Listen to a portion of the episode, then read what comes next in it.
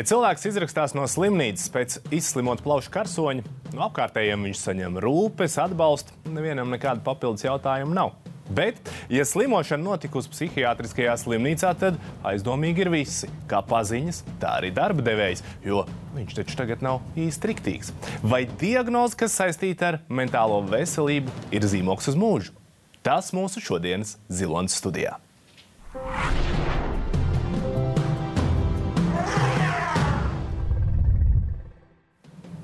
Lai saprastu un iedziļinātos mūsu šodienas ziloņa tematā, pie mums studijā Ofēlija Spektora un Luīza Jansona. Abas uh, ir kādu laiku ārstējušās psihoneiroloģiskajās slimnīcās, un šodien jūs esat arī gatavas dalīties pieredzē. Bet pirms es aicinu jūs dalīties pieredzē, noteikti jūs visus šos vārdus esat dzirdējuši, bet uh, trakonams, Tvaiķene, Psihene. Es esmu uzaugusi Talsos, un mēs vispār teicām Jālgava. Un tie, kas ir bijuši Jālgavnieki, es pat jau godīgi nezinu, vai tur ir psihoneiroloģiskā slimnīca, bet, bet tas bija tas, kā tā, tā, tajā apkārtnē tika raksturoti uh, cilvēki šādi. Un, uh, kā jūs jūtaties, kad dzirdat šādas vārdus un apzīmējumus, un varbūt pat vērsts jūsu virzienā? Man personīgi tas. Uh neaizskar, bet varbūt tāpēc, ka es esmu diezgan mierā ar to. Bet es zinu, ka ir cilvēki, piemēram, arī konkrēta situācija. Mēs bijām, es atrados šajā ārstniecības iestādē, mēs bijām izgājuši pastaigā, un kaut kādi cilvēki, kas bija ienākuši teritorijā, gāja garām un kaut ko bļāva eutrakija, tādas kaut kādas piezīmes, un tur bija sievietes, kuras šausmīgi to ņēma pie sirds. Nu, tas ir, protams, tā, ne, tā kā necienīgi. Tāpat tur ir Eju, tu bez kājas, vai nu, tas, ir, tas ir nepieklājīgi. Jebkurā gadījumā, vienalga par kādu slimību, tā kaut kā teikt. Tas tāds par ekskursijām, tas tā, tāds zooloģiskais darbs izklausās. Nu, nē, vai Kielā ir tā teritorija atvērta, ir tur var iet jebkurš. Un man šķiet, tas ir arī speciāli ar nodomu kaut kādā mērā kā veicināt to, ka tā nav kaut kāda noslēgta aiz dzeloņdrāšu žogiem, kur tur kaut kādi izolējamie cilvēki. Tā ir atvērta, tur ir skaists dārsts, tur cilvēki var iet arī no malas. Protams, ja tu ej, tad tev būtu jāsaprot, ka tas nav zooloģiskais dārsts un nevar ar pirkstiem rādīt un apsaukāt cilvēkus. Vai, vai kāds būtu iemesls, kāpēc viņi tur atrodas? Kā tu, Ofēlija, jūties dzirdot šos apzīmējumus, šos terminus? Kaut kur dziļi manī ir tā apziņa, ka tas nav pareizi, tā nevajadzētu, bet es pati tieku galā ar lietām ar humoru, ar paškritiku, ar diezgan melnu humoru diezgan bieži. Līdz ar to, nu, tā kā uh, Tad, kad man kāds paprasta, kas tu jukusi, jā, certificēti. tas ir mans tipiskais joks. Es piedodu, es nezinu, vai es drīkstu smieties. Droši, droši drīkst smieties. Nu, kā, par maniem jokiem drīkst smieties, tāpēc, ka es apzinos, kas ar mani notiek, un tas viss ir ok. Bet, nu, tā kā, Tad, ja tas nebūtu kā joks, tad, ja tas būtu tā nopietni un sāpīgi cilvēkam, kas ar to vēl ar vienu tiek galā, tas ir sāpīgi. Tas, tas kā, man, man šis posms iz, iz, iz, izkrita. Uh, Bet es spēju iedomāties daudzus cilvēkus, kuriem būtu nu, nepatīkami. Mēs noteikti pieskārsimies arī raidījuma laikā par brīžiem, kur, kur ir varbūt tās mm. robežas, kur tu pat vairs ar joku īsti nesaproti, ka te nekā es netikšu cauri. Bet tātad jūs esat ārstējušās kādā no Latvijas pieejamām klīnikām, vai ne pareizi? Cik reizes tas ir bijis atkārtot vai vienreiz? Atkārtot. atkārtot. Jā. Vairāk nekā gribētos, bet jā. Tādas lietas skaita, vai tu par to domā, cik bieži tu tur esi nonākusi? Vai? Nu, jā, kaut kādā mērā, jo tomēr arī gribētos, lai vienalga kāda slimība tā būtu, tu aizēji uz slimnīcu, tu aizēji izārstējies un tur vairs neeji. Kāda ir Ofēlija tava pieredze? Uh, man ir bijušas, es laikam esmu bijusi kaut kādas 4-5 reizes, nu, tā kā uz sitienu nevar ātri atcerēties, um, bet um, ir labās nodaļas, ir sliktās nodaļas. Labajās nodaļās ir prieks atgriezties, un labajās nodaļās ir tā, ka jā, es esmu gatava gaidīt mēnešiem ilgi. Galvenais, lai es nokļūstu tur. Nu, ir sliktās nodaļas.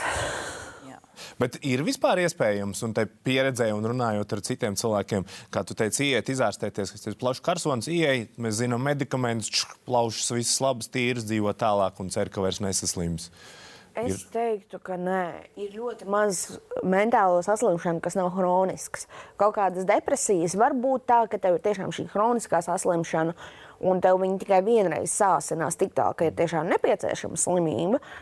nu, lielākajai daļai tomēr ir atkārtoties āsinājumi, un atkārtotās problēmas, un, un, un viena problēma atrisināja, parādās nākamā, un nu, tā.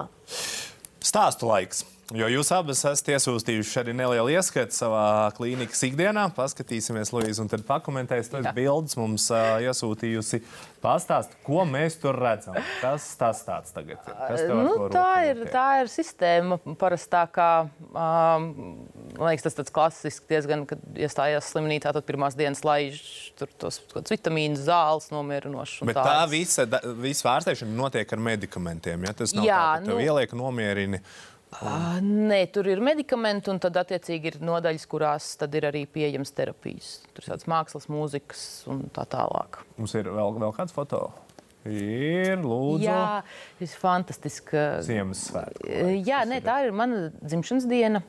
Uh, ar kūku, ko man atnesa draugu uz slimnīcu, un kartiņu, un ārkārtīgi skaistu sniega vīru no plasmas glāzītēm taisītu. Uh, Uh, jā, bet tā arī ir realitāte. Savu vienu no savām dzimšanas dienām es sagaidīju slimnīcā. Tas ir arī Ofēlija, tieši tāds pats stāsts. Tas ir papildus sitiens, tāds, ka tu saproti, ka tu savus svētkus svini šeit, nevis draugu lokā. Nu, Man bija iespēja, es sarunāju ar uh, personālu, es uh, uztaisīju picu ballīti tajā dienā uh, saviem palātas, ne, bet uh, nodaļas biedriem. Un man tas arī pamudināja tajā dienā, es tā uzrakstīju kā, publiski pirmo reizi tās plašāk par to savu pieredzi vispār. To, jo vienmēr ir mana dzimšanas diena, atskaties uz gadu, ko es esmu sasniegusi. Es daudz labāku versiju nekā pirms gada un viss šīs lietas. Un, un es teicu, nu nē, bet ir arī tāda realitāte. Nu, tā tas ir. Nu, man, priekš manis tas bija tas brīdis, tāds, kad es atskatījos un likās, labi, man nav jau baigi ko slēpt. Un ir vēl viens foto mums. Ja? Tas ir hokeja čempionāts. tā arī ir. Tā tad dators tev ir, nu tas nav tā, ka tev visai nu, tas čips. ir. Tas ir pat čips, jā. Uh, tas ir uh, runa par labajām un sliktajām nodaļām. Mm. Uh, tas ir konkrēti ambulatārijā centrā pārdaugava, kur ir brīvais režīms, kur tu vari iet ārā uz veikalu. Tev var būt visas tavas privātās mantas, dators, telefons, vienalga. Tu vari arī satikt tuviniekus brīvajā laikā. Tad tur ir ļoti labi. Mm. Ofēlija, tu mums neiesūtīji bildes, bet tu iesūtīji zīmējumus no savas pieredzes. Paskatīsimies, un tu pastāstīsi. Jo reizēm jau man šeit uzzīmēts pat var pateikt vairāk, vai ne? Mm. Nekā nofotografēts. Jā, laikam ir jāsāk ar manu diagnozi, kas šajos zīmējumos ļoti spīd cauri. Man ir šizofrēnija traucējumi, kas nozīmē, ka tad man ir bipolāra depresija, mānija, depresija, normālais stāvoklis. Es tur es vienkārši šūpojos šitajā virzienā. Un tad ir schizofrēnija, jo ar bipolāriem traucējumiem nepietika, vajadzēja vēl kaut ko. Un man ir schizofrēnija, kas nozīmē, es redzu halucinācijas. Tas ir tas, ko es zīmēju. Tas, ko un redzi, tas stils, kā es zīmēju, ir arī tas, kā man brīžiem nu, kā, redzes kā sadalās kristālos, fraktāļos. Tā ir viena no manām halucinācijām. Uh, Uh, jā, un tad caur zīmēšanu es to visu kaut kā dabūju ārā. Un uh, puķis, ko jūs redzējāt, es visbiežāk redzu tieši halucinācijās puķus. Uh, visbiežāk uh, tie ir nu, ļaundabīgi, bet ir arī labdabīgi, ir arī ļoti skaisti. Un, un, un, un, un zīmējumi, jā, tas, tas ir tas, kā es vienā no sliktajām nodaļām uh, sāku tikt galā ar, ar, ar savu schizofrēniju, un, un, un tagad es ar to arī nu, turpinu darīt. Jau, jau, jau sāku sūtīt cilvēkiem pasūtījumus, zīmējumus un tā. Ka tu, principā, tad, kad tu jūti, tu vari izlikt kaut kur jā. aizdīt tās domas uz tā papīra projām, mm. ja, kas ar tevi notiek. Kāda ir tā pirmā reize, kad jūs saprotat, ka nu, jūs nonāksiet psihoneiroloģiskajā klīnikā? Tā ir pretošanās, vai saprot, tas ir labi? Kāds par mani tagad parūpēsies? Pirmā reize bija biedējoša ļoti. Jo nu, pirmkārt ir tā neziņa par to, ko tas vispār nozīmē. Uh, ir tomēr tās uh, psihenes vai trakonāmi vai nezinu, kas apvīti ar tādu, tādu auru jocīgu, nesaprotamu. Un tad, protams, ir tā Un vai tiešām man, vai man tiešām es esmu pilnīgi nojūgusies, ka man jāiet? Nu, ir šādi jautājumi. Pēc tam mm -hmm. saprotu, ka tev nav jānojūdzās pilnībā vai kaut kāda visi šie citas metafors kaut kā. Tas ir, tas ir normāli, ja tu ej par sevi parūpēties. Un, um, Bet pirmā reize bija ļoti biedējoša. Man gan jāsaka paldies maniem tuviniekiem, draugiem, radiem, kas man pamudināja un iedrošināja to darīt. Jūs pat droši vien nebūtu saņēmusies, bet tas viennozīmīgi bija tā vērts. Jā. Bet tas izklausās pēc tādas bezizējas sajūtas. Ne? Nu, tad, kad tu arī iznāc ārā un saproti, ka nu, labi, es tur biju, bet es iespējams man būs jāatgriežas jā, tā ir, tā ir bezizējas sajūta brīžiem. Nu, bet uh, vispār ar tādām kaut kādām, jebkurām kroniskām slimībām, manuprāt, jebkur, vai tās ir psihiskas vai fiziskas, es domāju, ka jebkurš cilvēks brīžiem saskars ar šo bezizējas sajūtu, kad tu saproti, ka nav man šī viena uh, tablete, viena sprice, viena lieta, ko es izdarīšu, un viss. Mēs dosimies nelielā pauzē, un pēc pauzes mums pievienosies psihiatrs, un tad mēģināsim vēl šos daudzos plīvurus, kas ir šam tematam pārklāt pāri, ņemt nost un iepazīties un izzināt.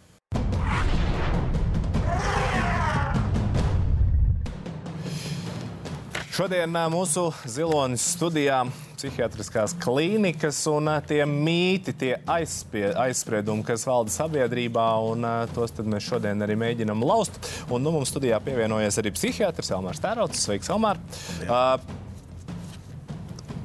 Tavā dzīvē noteikti un jomā par šo jūs esat diezgan daudz runājuši, bet es ticu, ka cilvēki, kas skatās, arī ir diezgan maz dzirdējuši no apkārtējiem tās pieredzes, lai gan kaut kādu tur ir, jā, viņš tur varbūt ir bijis, bet nekad jau acīs to viņam ne, neuzprasīs nekādas jautājumas. Un tās pirmās asociācijas par to, kas tad nonāk šādās slimnīcās, mums nāk no Holivudas, no Amerikas, kur uh, paparacī iemūžina visus pēc kārtas, lai tikai būtu liela virsraksti. Un Holivudas zvaigznes, tāds pirmais, kas nāk prātā, ir popzvaigzne Britnijas Pīrse, kur uh, te arī tā viņas leģendārā bilde, kur viņa frizētavā sev noskoja matus. Tad nu, pēdējos gados tiek arī šķetināts un mēģināts saprast, kāpēc tas tā notika. Un beigās arī tiek saprasts, ka tie paparazzi paparacī pie tā visa arī bija vainīgi. Elmār, par to ir jārunā plašāk, vai dāmas dara tādu milzīgu ziloņa darbu, runājot, stāstot? Nu, Es domāju, ka vajag runāt par šo jautājumu. Jau skaidrs, ka mīti ir daudz par psihiatrisko klīniku. Es domāju, arī, ka psihiatriskā klīnika pēdējos, pēdējās desmitgadēs pamazām arī mainās un kļūst uh, pieejamāka, patīkamāka pacientam. Bet uh, droši vien, ka vienmēr jau saglabāsies sabiedrībā kaut kāda bāža nokļūt vispār slimnīcā, un arī īpaši jau arī psihiatriskā klīnikā. Jo kur te vēl lielāka bažas, kā var, ja es pēkšņi sajūku prātā. Ja? Mm. Vai tu piekrīti, ka tas ir tāds nu, sabiedrības acīs zīmoks uz mūžu, ja cilvēks tur ir nokļuvis vienreiz, tad viss, tad kāds pat teiks, norakstām Nu, Mums vajag tikai partijas. Kādus gadus jau strādāju nozarē, man jau brīžam liekas, ka nu, cik tā var tur zīmogot. Nu, katram ir savas psiholoģiskās problēmas un psihiatriskās. Dažam arī ir, nu, vai tas ir speciāls zīmoks, nu, tas man liekas ir tāds, nu, pat varbūt tāds mēdī kultivēts arī. Bet, bet kādreiz arī pacienti tiešām tā jūtās, un mēs par to runājam, un arī ir, ir saistībā ar dažādiem tādiem problēmām, kas ir saistītas ar reģistru nonākšanu uzskaitē, nu, kas ir tādi grūti risinām jautājumi. Bet, bet nu, es domāju, ka psihiski traucējumi dzīves laikā jau vispār ir katram cilvēkam. Jautājums ir, eh, cik viņi ir intensīvi un kā katrs ar to tiek galā. Un noteikti visiem nevajag nokļūt slimnīcā. Tā nevajadzētu pārprast. Man, bet, bet nu, ik pa brīdim cilvēkiem vajag palīdzību. Cilvēki, kas arī no tās pašas Holivudas par to ir runājuši, ir akt aktrise Katrīna Zeta-Jones, kas vairāk kārt ārstējusi bipolāros traucējumus. Un mūziķis Robijs Viljams ir apmeklējis vienu no dārgākajām un smalkākajām garīgās veselības ārstēšanās iestādēm. Tur tas bija simtiem tūkstoši nu, teica, vajadzēja man atpūsties, man bankā naudas pietiek, došos uz luksus iestādi. Tas izklausās ļoti labi, bet cik, nu, tas, cik viegli vispār ir nokļūt, kad tu saproti ārstēšanās iestādē tādā? Nu, Kāds ir tas process? Ir divi uh, ceļi. Viens ir, uh, kad uh, teiksim, sarunā ar savu ārstējušo psihiatru, saprot, ka varētu būt šāda vajadzība, tad piesakies, teiksim, tā pašā pār, ir, ir gan Rīgā, gan arī Jelgavā tiešām ir uh, slimnīca un uh, ir vēl dažās vietās, un tu tur pieteikties un gaidīt vairākus mēnešus rindā un iestāties. Otrs ir uh, trakāks ceļš, un ja pavisam ir šausmīga krīzes situācija, un, teiksim, tiešām to esi apdraudējums sev vai citiem, uh, tad ar neatliekamo medicīnisko palīdzību jebkurā brīdī var ierasties Tvaikielā uzņemšanā un te var uzņemt. Es pareizi dzirdēju vairākus mēnešus rindā. Nu, kā- Ofēlī, tu saki, jā. Jā, man uh, rekords, ko esmu gaidījis, ir trīs mēneši. Es zinu, cilvēkus, kuriem ir gaidījuši arī ilgāk. Tāpēc, ka rindā mums ir uh, divas iestādes, vai ne? Rīgā. Nu, tas ir kofēlī. Jā, nu, es domāju, ka trīs mēneši liekas bišķi pat traku. Nu, parasti bija kāds ziemā, Covid Varbūt, laikā. jā, bet, bet nu, te ir mazliet varbūt jānodala. Es nezinu, cik šis raidījuma formāts tam atbilst, bet nu, ir, ir mazliet atšķirīgas situācijas, kad ir vajadzīga neatliekamā palīdzība, ko jūs jau tikko pieminējāt. Nu, kaut kāda sastāvda bīstamība, kad pašnāvības draudi vai arī tieši pretēji, kad ir nu, kaut kāda agresijas draudi, nu, tad jau tiešām uzreiz arī nokļūst slimnīcā. Un, un līdz šim rindu nebija gandrīz. Nu, Šīs pēdējais gads brīžam ir tāds, kad ir akūtās nodaļās sāk parādīties Eiropai raksturīgās, ri- nu, ne rindas, bet nu, tāda pārblīvētība. Bet, jā, bet, bet ir runa par šīm atvērtā tipa nodaļām, kur ir plāna veida uzņemšana. Nu, tur mums vasarā parasti ir atplūdums, cilvēki, cilvēki pa laukiem dzīvo mazāk, varbūt rūpējas par veselību un arī labāk jūtās. Un ziemā šīs rindas parādās, un tas ir varbūt arī mēnesis, sešas nedēļas un līdz divu mēnešiem. Kāpēc saka, pēdējā gada laikā parādās, kas ir noticis pasaulē? Nu, mēs tā kā gaidījām, ka būs kaut kāds atsitiens moments pēc pandēmijas. Es domāju, ka viņš arī ir parādījies, ka tomēr ir. Ir Tas, ka mēs sēdējām, akūtie jā. smagie stāvokļi, viņi ir tāda tendence, ka viņi palikuši mazliet smagāki. Arī tie, kas slēgti tipu nodaļās nokļūst, tiem pacientiem traucējumi ir smagāk izteikti. Nu, arī vairāk tomēr ir trauksmes un depresijas. Nu, un arī šīs rindas tāpēc diezgan lielas. Arī, arī vēl viens pakal- pandēmijas, tur ir tās pandēmijas sekas. Mēs nu, tādu veicot Nu, kaut kādus pētījumus. Par to sākotnēji tika brīdināts, kad sākās pandēmija. Nu, mēs, mēs pats personīgi tādu skriptīzi grozīju galvu, vai tā tas notiks, bet faktiski nu, mēs to redzam. Gan ambulatorija mums ir daudz vairāk pirmreizēji pacienti šobrīd ar, ar depresijām, ar trauksmēm. Ar, ar Dažādiem miega traucējumiem, gan arī nu, stacionārā arī pieprasījums ir audzis. Bet, Bet- bet slēgt tipu stacionārā gan vienmēr ir kaut kādi viļņi. Kādreiz ir meklēta mēnesis, fāzi, ietekme, vēl kaut kas. Bet, nu, Bet tā būtu šī mājas sēdes, nu, tas, tas, ka mēs sēdējām mājās, nevarējām socializēties. Kad, kad dažādi faktori ir vēl gan mājasēdi, gan psiholoģiskie faktori, gan pārslimošanas, paši covid faktori, gan arī, gan arī saucamie long covid, kas ir šie atliek parādības pēc pārslimotiem covidiem. Nu, tad Baidos iestrēgt, bet jebkurā gadījumā nu, iemesli ir dažādi. Jūs arī jutāt šajā pandēmijas laikā kaut kādu papildus spiedienu uz sevi, uz savu mentālo veselību? Jā, es pandēmijas laikā no četrām, piecām reizēm, kad esmu bijusi, trīs bija pandēmijas laikā. Un tas bija tieši tas, ka tu esi viena mājās, skaties ziņas, runā. Es viena, ne, tik daudz net, netraucēja. Man traucēja tā sajūta, ka pasaule grūst. Ka pēkšņi nu, nu, ar vienu, vienas būšanas, citiem darba ritmiem, ar to visu es tiku galā. Problēma bija tajā, ka pēkšņi visa pasaule ir apgriezta ar kājām gaisā. Būtiski visa zemeslode, visi cilvēki ir iesaistīti. Un, uh, nu, vienkārši šī, šī pēkšņā neziņa, haoss un viss.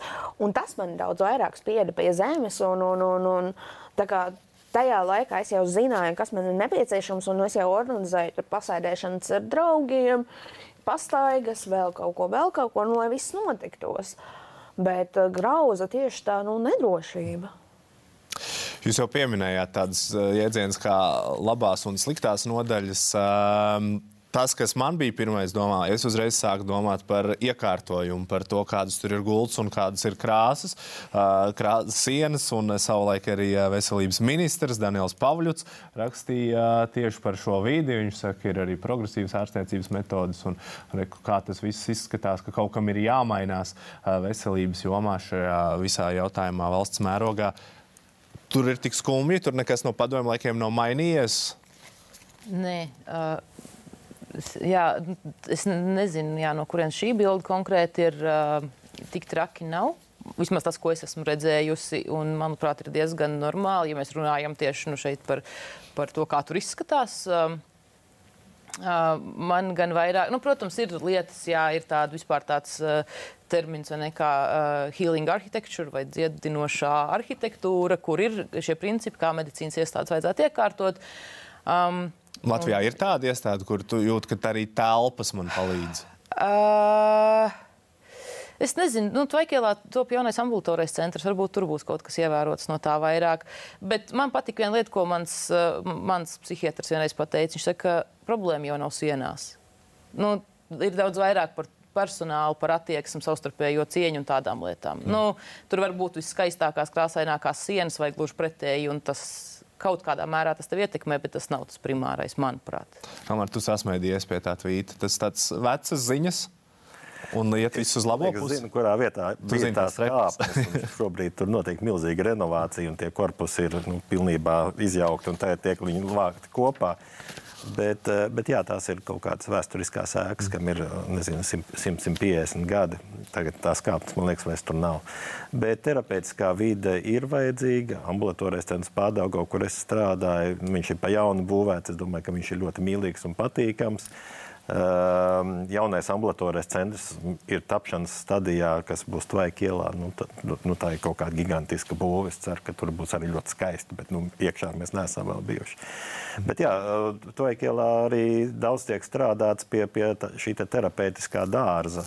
Tas, ja finanses būtu, varbūt vairāk, tad arī vēl varbūt būtu sakārtotāks. Jo videi ir nozīme, jā? Ir. Visā ārstniecības procesā. Ambulatorā centrā pārdauga ir pat projekts kurš, diemžēl, desmit gadus nav realizēts, kā izveidot terapeitisko dārzu. Bet, kad jūs pieminējāt šīs labās, sliktās nodaļas, jūs runājat tieši par personālu. Tas ir tas, kas jūs nu, veids šo iedalījumu, labais, sliktais. Uh, Attieksme.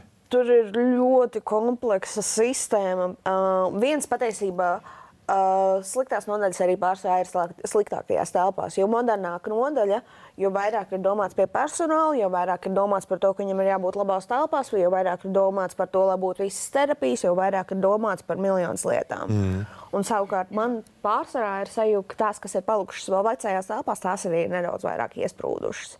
Nu, Garā ziņā es, ielā, es esmu izvairījusies no tvaika ielas, cik vien daudz varējis. Tāpat tās divas. Mm vai trīs reizes. Es nevaru atcerēties. Tam varbūt arī jā, nav tik liela, liela nozīme. Bet, nu, jā, tur nonāks no vairākas titulu, reizes. Kas jāuzskait, jā. Es vairākas reizes nonāku Stākēlā, un man ir bijuši sev, ka tur ir kaut kāda saistība, bet svarīgākais ir, vai tu ties pie terapijām, kādas ir māsiņas un uh, sanitāras. Ārsti praktiski visur būs nu, pieklājīgi. Mm sliktākajā gadījumā. Bet uh, māsītes un sanitārs ir tas trakākais, jo tas ir visbiežākais kontakts. Tad uh, tavu kolēģi analīze mums vēl sanāk, uh, atsauksmes. Bet uh, par mītēm runājot, un tas personāls arī, uh, nu tāds priekšstats, kur man viņš arī rodas, ir skatoties kinofilmas. Tur ir kaut kādas pirmās lietas, tad atkal atgriežamies Holivudā. Tās ir tās reizes, kur es vispār pirmo reizi uzzinu, kā kaut kas tāds izskatās, kas tur nokļūst. Tur ir sajūta, ka tikai slikts personāls, kas dala pāri, piemēram, filmu kāds pārlaidās par dzeguzes līgas vai nē. Tas pirmais leģendārais stāsts, kas nāk prātā, tāpat arī slēgtā sala, jeb Shutter Island, dzīve pārtraukt. Tas ir kaut kas tāds, kas mums iemāca kaut kādus mītus, un tas pirmais mīts, domājot par šādām iestādēm, ir, nu, ka tur ir baltas sienas un trako krekls. Kad līdz ko jūs sakat, ka jūs tur nonākat, man ir sajūta, ka jūs sašņorē un ieliek polsterētās sienās. Man jāpakomentē mazliet, nu, vēl pirms kādiem gadiem, desmit, nu, psihiatrijas finansējums bija ārkārtīgi zemā līmenī. Ja mēs Robiju Viljams pie, pieminam, kur, kurš ārstējas pa simtiem tūkstoši, tad beigās izrādās, ka psihiatriskā ārstniecība, kurā nav milzīgi daudz tehnoloģiju, viņi ir ārkārtīgi dārgi, jo tur ir cilvēku tehnoloģijas. Un tas, par ko uh, runā uh, abas viesņas, uh, īstenībā ir par to, ka mēs vēlamies individualizēt attieksmi, mēs vēlamies psihologa palīdzību, mākslas terapeitu, vingrošanu pieejamu un tā tālāk. Un tas uz katru vienu cilvēku vai arī pat grupā, ja tas mm. notiek, tas ir ārkārtīgi dārgi. Un, ja vēl pirms desmit gadiem psihiatrija nu, tika ne, ne, ne, nenofinansēta, tad šobrīd nu, tā kā ir finan, tas finansējums vairāk parādījies, bet, bet skaidrs, ka joprojām nepietiek. Un tas ir arī jautājums par šīm atvērtu tipu nodaļām. Kāpēc ir rinda? Tāpēc, ka šis pakalpojums ir ļoti pieprasīts bet, bet arī šo speciālistu noslodzi ir, ir milzīga un nepietiek visiem. Bet tur jau arī ne, meklējot to finansējumu, tiem naudas devējiem, viņiem ir nedaudz jāsaprot un jāiedziļinās. Bet, ja viņš ir redzējis tikai kinofilmus, gluži kā es par šādu tematu, tad viņš saka, tur taču traki noziedznieki ir. Tur salikt iekšā, kas bļauj un slepkavo. Ko, kāpēc mēs? Gluži vairs neviens nedomā, bet. Es bet, ceru. Bet tas arī ir tāds mīts. Man ir prasīts, vai es esmu vardarbīga, vai es tagad brukšu virsū tas ar ir viens no nāzi mītiem, un, un, un, un visu. Nu, tā kā sejā vienkārši paprasīs, hei, vai tu man tagad uzbruksi ar? Tāds, Jā, man rokās ir nāzes. Ja tu uzdos subus jautājumus, jā. Kad tu visas tās slimības, kas tur ir, viņas ir neārstējamas. Tas arī tāds uh, priekšstats, kas rodas par. Nē, vispār man liekas, ir sabiedrībā tāda pārņemtība ar diagnozēm, gribētu teikt, apsēstība. Man liekas, ir jārisina problēmas, kā, kādas viņas ir šai brīdī, un, un diagnoze nevienmēr ir noteiku, noteicošā, jo patiesībā tur ir gan, gan sociālie aspekti, gan izglītības aspekti, gan nodarbinātības aspekti. Tas jau viss iet kopā. Un pati diagnoze par sevi vēl nenozīmē kaut kādu dzīvesveidu, nu, dzīves kvalitātes kritumu. Bet uh, arī par nu, šo diagnozi. Uzreiz ir tāds, ka no cilvēkiem šādiem jāizvērš, vai jums ir bijusi sajūta, ka kāds izdzirdot, kas jums ir, nu, tu esi neprognozējams cilvēks. Es Man nezinu. personīgi nav bijusi tāda sajūta, bet arī, manuprāt, arī man tā diagnoze, nu, tagad jau visiem depresijas un tā, un, nu, arī tad, kad tev bēdīgi, tev ir depresija un visiem depresija, un tagad tik daudz par tām to runāts, ar to man tā diagnoze, man liekas, visiem jau ir tā kā skaidrs, tad vienkārši tur bēdīgi cilvēkam, jā, un tā neviens nebaidās, manuprāt, no depresijiem cilvēkiem. Viņi tāpatās ir pārāk uh, noskumuši, lai kaut ko darītu. Ja? Bet uh, nu, man nav, man arī, nu, piemēram, no darba devēja, man, es, es, nu, es neesmu varbūt tur gājis detaļās par savām diagnozēm vai kaut ko tādu, bet es stāstīju, jā, ka man ir, uh, ka varbūt, uh, ka man ir kaut kādas dienas, uh, kad tur būs, nezinu, grūtāk, vieglāk, vēl kaut kas, un mēs esam vienojušies par to, kā mēs varam darīt tā, lai arī man ir tā kā komfortabli šeit strādāt, bet tā pašā laikā, lai es arī izdaru to, kas man ir jādara. Man personīgi nav problēma par to runāt. Mm. Un es neesmu saskārusies tā. Par darbu runājot, mums ir arī kāds anonīms komentārs. Noklausīsimies. Um, strādāt darba vietā, kas uh, sev pozicionē kā ļoti ģimenisku, draudzīgu, atklātu, atbalstošu kolektīvu. Un, uh, tā skaitā mēs darbojamies arī ar jauniešiem un nereti pieminējām um, to, cik svarīgi ir rūpēties par savu mentālo veselību. Un, uh, mēs strādājam pie viena ļoti, ļoti grūta un ļoti izaicinoša un ļoti smaga projekta, pēc kura es sapratu, ka man ir nepieciešama um, maza tā kā atelpa un ārstēšanās. Uh, līdz ar to vizītē pie psihiatra viņš man nosūtīja uz dienas stacionāru mēneša rehabilitācijas kursu um, Germantovu ielā. Un, um, un tajā brīdī, kad es cerēju, ka mans darba devējs uh, sapratīs un atbalstīs mani, um, viņa pateica to, ka viņa nevar atļauties zaudēt darbinieku uz mēnesi uh, slimības dēļ. Un, uh, kad nu, neuzskatīsim to par atlaišanu, bet uh, paldies par uh, to, ko tu darīji. Un, uh, mūsu ceļš šķirās. Um, Tik un tā turpinot teikt, ka mēs esam ģimenisks kolektīvs un, un gan jau es šo sapratīšu. Um, man līdz šim brīdim ir bijis jautājums, vai līdzīgā situācijā, ja kāds darbinieks būtu slims ar um, es nezinu, laustu kāju vai, vai laustu roku, vai nu, ja viņam būtu darba nespēja mēnešu garumā fizisku veselības uh, traucējumu dēļ, vai arī šāda attieksme būtu tāda pati kā manā gadījumā. Ļoti skarbs uh, piemērs un pieredze, uh, ļoti daudz jautājumu, bet uh, uz to visu reflektēsim pēc pauzes.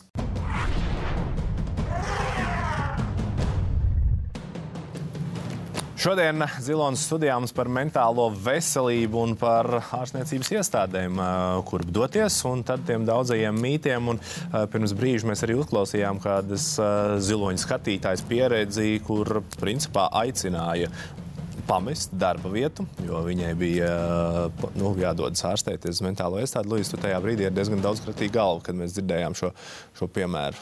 Jā, tas ir traģiski, drausmīgi, manuprāt, tas ir nelikumīgi. Vispār tā darīt. Uh, tiešām tas piemērs par uh, vienalga nu, laustām kājām vai jebkuru citu slimību. Uh, nu, es, es tiešām domāju, ka tas nav vispār likumīgi kaut ko tādu palūgt aiziet no darba uh, veselības dēļ. Bet, bet es esmu dzirdējusi šādas bažas no vairākiem cilvēkiem, ka man ir grūti, man vajag palīdzību, es gribētu iet slimnīcā, bet kā tad darba devējs? Pirmkārt, manuprāt, darba devējiem nemaz nav jāzina, un tā vispār nav viņa darīšana, kuras es pēc man ir darba nespējas lapa, es esmu vienalga slimnīcā vai vienalga, un tā nav darba devēja darīšana, kā es, kur es ārstējos. Un, un kas par kaiti? Jā, man nav arī, ja citas problēmas, man nav jāatskaitās par tām. Ofēlija, tu esi roku pacēlus, kā paklausīgs skolnieks. es, es cenšos būt pieklājīgi, bet jā. Um, Es esmu atlaists par, eh, par būšanu Tvaikielā. Nē, toreiz. Nu, Jebkurā gadījumā tas bija pārbaudas laiks. Pārbaudas laiks ir vienīgais laiks, kur slimības dēļ drīkst atlaist. Visā pārējā laikā, ja nekļūdos līdz pat četriem mēnešiem, darba devējs slimības dēļ, jeb kādas slimības dēļ nedrīkst atlaist. Pēc četriem mēnešiem tur sāks kaut kas mainīties, tik dziļi es neiedziļinājos. Jebkurā gadījumā tas ir absolūti nelegāli ja ir laiks, enerģija, vēlēšanās, tur var iet cauri tiesām, un uh, nu, tur būtu ļoti grūti pierādīt. Un, jo patiesībā mums ir uh, kaut kāda veida, kā aizstāvēties, mēs vienkārši viņus nezinām. Mēs nezinām to, ka ir ok iet uh, uz mentālās veselības iestādēm. Mēs nezinām, kas notiek, kā notiek, kāpēc notiek un ko pēc tam darīt, ja pēc tam ir kādas problēmas. Uh, mums ar to kritiski trūks informācijas. Mēs pie tā, me, tā kā daži aktīvisti strādā pie tā, mm. lai mhm. būtu vairāk informācijas, bet mums nav. Un tā ir problēma. Vai tev ir Elmāra, bijusi kādreiz kāds pacients, kurš saka, es doktor, esmu gatavs ārstēties, bet es neesmu gatavs zaudēt darbu vai pēc tam sabiedrībai atzīt, ka es esmu? Par pacientu, kam ir, kam ir darba nespējas labs, šie jautājumi tiek runāti īstenībā. Jo, jo nu, ir, ir gan uz vienu pusi šī problēma, gan uz otru pusi. Ir cilvēki, kas patiešām ir ilgstošās slimības, eh, nu, darba, darba nespējas labi prombūtnēs, un, un, un, un darba devēja arī to ļoti, ļoti nu, saprotoši uztver, ir, kur ļoti, ļoti ātri asi norēģē, un varbūt privātais sektors ir jūtīgāka joma, jo tur, jo tur vajag šos darbiniekus, kas strādā. Bet es domāju, ka nu, varbūt, psihiatri, psihiatrijas jomā darba nespējas labs vēl jūtīgāk tver, bet vispār jau, ja ir ilgstoši prombūtni darbiniekiem, nu, tā ir problēma jebkuram uzņēmumam, arī ambulatoram centram pārdaugau. Tā ir jūtīga lieta. Mm -hmm. Bet par, par likumisko pusi es piekrītu Ofēlijai. Nu, tā jau ne, nevar atlaist vienkārši tāpēc, Bet tāpēc ka tas salīdzinājums un šīs sievietes jautājums, uh, nu, vai viņam būtu lausta kāja un es mēnesi nebūtu, vai būtu tāda paša attieksme. Vai tas ir tas pats, vai var salīdzināt tādas divas lietas? Nu, droši vien tā varētu interpretēt, ka tur ir darba devēja bažas par, par to ilgspēju, kā tas cilvēks spēs turpināt strādāt. Tad šis, nu, tad vadītājs ir gatavs riskēt ar konfliktu situāciju, ar tiesvedību un, un atbrīvot cilvēku no darba. Jo, jo nu, tāds, acīm redzot, tās ir kaut kādas bažas par to, kas būs pēc tam. Nu, nu, tā, tā, es domāju, ka šeit ir problēma un aizspriedumi. Bet vai mēs kā sabiedrība varētu sev pārmest, ja tagad, nezinu, nāk vēlēšanas, un kāds no politiķiem mēs uzzinām, viņš ir bijis šādā iestādē, vai mēs varētu teikt, nē, mēs nevēlamies šādus savu pārstāvjus valstī? Mm, manuprāt, nē. Bet tajā pašā laikā nu, ir ka saka, tur kaut kādi reģistri un uzskaits un vēl kaut kas. Bet tā tiešām ir, kad ir daži darbs, kurus nevar ieņemt jā, ar attiecīgām diagnozēm. Un, bet es nedomāju, ka tas ir uh, saimas deputāts vai uh, mārketinga vadītājs būtu viens no šiem amatiem, mm. kas, kam vajadzētu traucēt kaut kādai diagnozei. Pielāda valsts noslēpumam izmēnīgi traucē pielaidēt. Es, piemēram, nekad nevarēšu dabūt pielaidu valsts noslēpumam. Tā gan. Uh, es nevarēšu izdarīt diezgan daudzas lietas, tīri tāpēc, ka... Tu nu, gribētu man... pielaid valsts noslēpumu. o, jā! Lūdzu, lepa naktī ir es nezinu, bet uh, jā, ir, ir, ir kaut kādas lietas, kuras ar konkrētām diagnozēm nevar izdarīt, un nu, tad saimā un tādās vietās tas varētu traucēt. Bet, godīgi sakot, es negribu dzīvot sabiedrībā, kurā kādam it īpaši redzamā vietā atņemtu viņu amatu tikai tāpēc, ka viņš slimotu. Mm -hmm. nu, Nu, es vienkārši zinu, ka es dzīvoju tajā sabiedrībā, bet es tajā sabiedrībā negribu dzīvot. Es gribu šo sabiedrību padarīt labāku. Nu, kā ir ar invaliditātes pabalstiem vai mentālās veselības uh, jomā? Ir Ofēlijas atķēra galvu? Jā, var dabūt grupu, protams. Mm. Nu, nezinu, nu, tur, jā, protams, ar savu ir psihiatru. Jā, jā, jā. jā. jā, iespējams, ir vienkārši te pabalstiniecīgi. Bet tas jau nav tikai par to. Jā, nu, tas, nav tikai, tas nav tikai mums, nu, bet, bet tas, tas bija tas iemesls, kāpēc es saķēru galvu. Nu, tas, tas, cik neadekvāti viņi ir pret darba spēju zudumu. Mums ir vēl kāds video komentārs, paskatīsimies. Es esmu Alise, un 2018. gada, gada pašā sākumā es pavadīju 27 dienas Rīgas psihoneiroloģiskā centra nodaļā, Tvaika ielā par lietām, kuras var palīdzēt no ģimenes un draugu tuvinieku puses. No ģimenes puses man ļoti palīdzēja jau slimnīcas laikā tas, ka uh, mani apgādāja ar visiem našķiem. Un no draugu puses tas, ka jautā par to, kāda ir mana pieredze bijusi ārstējoties un arī uh, pašā slimošanas gaitā, bet arī tas, ka tuvinieki padalās ar savu uh, savu vai nu atkarības, vai citas saslimšanas pieredzi, vai ar savām grūtībām, un tad es kā cilvēks sajūtos mazāk viens. Jā, noteikti iesaku ģimenei un tuviniekiem sākt ar atdošanu tam cilvēkam, kurš ir saslims, bet arī ar atdošanu sev, saprotot, ka, ka ir tikai kaut kāda daļa atbildības katrā pusē. Un uh, neviens vecāks nav, piemēram, atbildīgs par savu bērnu visām izvēlēm. Tas, ko es ieteiktu, ja kāds pamana, ka tuvam cilvēkam ir grūti, tad noteikti nenovērsties, neizlikties, kad uh, nepamana kaut kādus signālus, bet uh, uzstāt, ka ir jārunā par to, uh, būt kā saliedētai komandai, tātad nevis es aizvedīšu tevi pie ārsta, bet varbūt mēs kopā varam aiziet pie ārsta, jo man gribas ārsta viedokli par to, kā tev iet, jo no malas tas man dara raizīgi to redzot. Un uh, noteikti, noteikti runāt par to, jo cilvēks tādā ļoti kritiskā stāvoklī neredz sevi no malas, nespēja izvērtēt savus simptomus, savas grūtības, uh, kā arī saņemties un pieņemt lēmumus un parūpēties par sevi, tāpēc uh, es ieteiktu kādam no malas noteikti uzņemties vadības grožus un uh, un vienoties par to, ka mēs esam komanda. Mēs neesam vieni uz šīs pasaules. Mums apkārt ir cilvēki, Lūdzu, tu jau teici, ka tu saki paldies pat saviem tuviniekiem, ja, kas saprat, ka kaut kā tev var palīdzēt, un tas būtu tas solis. Nu, jā, man, es, vis, man ir visfantastiskākie draugi un radi un ģimene apkārt šajā jomā.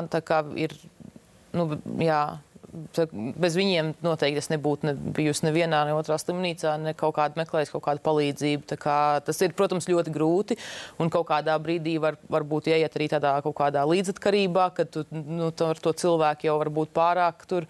Bet, uh, nu, jā, es pilnīgi piekrītu komentāram, ka vajag ne, vai, nevajag novērsties un vajag palīdzēt un saprast, ka tiešām tam cilvēkam var trūkt paškritika, esot smagā stāvoklī. Un kā ir Almāra, vai ir tā praksa, ka tajā brīdī, kad mēs jūtam, ka ir nepieciešama šī ārstniecība, ka ir jāsauc tas tuvinieks blakus arī, vai tā būtu otra puse vai vecāks, un jārunā, cik tas ir nozīmīgi, tas atbalsts ģimenes, draugu? Ja, nu, ģimenes atbalsts ir, ir vienmēr ļoti nepieciešams. Situācijas ir atšķirīgas. Ja. Šeit, nu, ja mēs runājam par depresiju, tad viņi bieži vien sākās ļoti pakāpeniski. Un, Un, un ir jau mēģināts kaut kādā veidā risināt ar ģimenes ārstu, pie ambulatorā, psihiatra. Bet ir arī situācijas, kur tas notiek burtiski dažu dienu laikā, kad kāda nu, viela lietošana izsauc psihozes vai, vai arī nu, schizofrēniskā spektra traucējumi, kas tiešām ir nu, liels šoks visai ģimenei. Tur ir, tur, tur ir tur ir svarīgi, lai, lai izdodas ārstam un, un ģimenei atrast kopēju valodu, jo ik pa brīdim sadalās nu, pa pa partijām eh, tuvinieki. Vieni, vieni, vieni kritizē, un mm. otri, ot, otri slavē, un tas pacientiņš tur pa vidu ir. un tad nu, tur ik pa brīdim konflikti diezgan daudz. Bet, ja atbalsts ir, tad skaidrs, ka vieglāk ir uh, strādāt gan, gan, gan ārstam, gan arī pacientam, vieglāk ir veseļoties. Vai šajā ārstniecības procesā un savas mentālās veselības apzināšanas procesā ir sanāk arī zaudēt kaut kādus cilvēkus, draugus, kas nesaprot, ka tu saki, tu man pat rada vēl sliktākas sajūtas, kad mēs esam kopā. Jā, pavisam noteikti. Jo daļa no tā visa tā ir milzīga apziņotība uh, par to, kas es esmu, kas ar mani notiek. Tā ir apziņotība par to, ko es vēlos savā dzīvē. Un es piepieši nonāku līdz secinājumam, ka, zini, nē, šis cilvēks man padara visu grūtāk, šis cilvēks nesaprot, šis cilvēks, nu, man šo cilvēku nevajag. Manā dzīvē par laimi nebija cilvēki, kuriem bija. Nu, Kuri no manis atteicās, es atteicos mm. no cilvēkiem. Bet tas bija nu, ļoti svarīgs process priekš manis pateikt, nē, pāris cilvēkiem manā dzīvē. Par laimi lielākā daļa palika. Par laimi es pēc tam izveidoju milzīgu Twitter atbalsta ciemu. Man ir tiešām nenormāli, nenormāli daudz atbalsta, palīdzības un, un visa, visa. Bet pavīdos no dažiem cilvēkiem atteicos. Ja nu, skatās, varbūt kāds ģimenes kaut kas tāds, un tās situācijas ir dažādas, Kā rīkoties tam, kurš uzskata, ka ir šis cilvēks blakus, kuram būtu nepieciešama papildus palīdzība, Elmār, ko viņam darīt? Viņam mēģināt pašam uzrunāt, vai jau iet runāt pie ārstiem un vest kopā? Tas ieteikums, kā dzīvot. Droši vien ārkārtīgi plašs jautājums, mm. bet tomēr varbūt viss pamatā tomēr ir komunikācija. Nu, sākumā ar pašu cilvēku, ar to pacientu aprunāties, saprast viņa problēmas. Nu, tad, uh, tad mēģināt pakāp, pa kaut kādām pakāpēm to risināt, iesaistīt vai nu ģimenes ārstu, vai meklēt palīdzību, pierakstīties pie, pie speciālista. Speciālisti arī dažādi, ne tikai uzreiz psihiatrs valsts aprūpas sistēmā. Varbūt pietiek ar krīzes, zvanu krīzes tālrunim, vai varbūt pie kāda uh, psihologa vai, vai ambulatora kaut kur praktizējoša psihoterapeita vērsties. Varianti pastāv. Svarīgi ir komunicēt, un, un ja saprot, ka palīdzība ir vajadzīga, nu, tomēr mēģināt savu kompetenci drusciņi paaugstināt. Nu, man pārsteidz cilvēki, kas slimojot uh, divus gadus, tā arī nav izlasījuši, kas ir depresija. Man pārsteidz tuvinieki, kas, ka, kur, kur tuvinieks slimo nu, kaut vai ar schizofrēniju, kas 15 gadus nav atvēruši nevienu publikāciju. Nu, Lat, es nedomāju, zinātniskās jā, publikācijas, jā. vispārīgas publikācijas. Man tiešām tas pārsteidz mūsu, mūsdienu gads, mūs, mūsdienās. Kā tas ir iespējams? Ofēlija saka, nav informācijas. Informācija ir ir, ir un ir. Latvijasiski, nu, tie jaunieši teikt, mm. angliski visi, nu, nu, pilns internets. Vai viņi vienmēr ir kvalitatīva? Nu, tas ir labs jautājums. Ja? Bet, bet nu, informācija jau ir. Nu, ja, ja nevar, nu, tad uzticies speciālistam. Nu, un varbūt neusticies, nu, es atvainojos, blēžiem un un, un, un nekompetentiem cilvēkiem.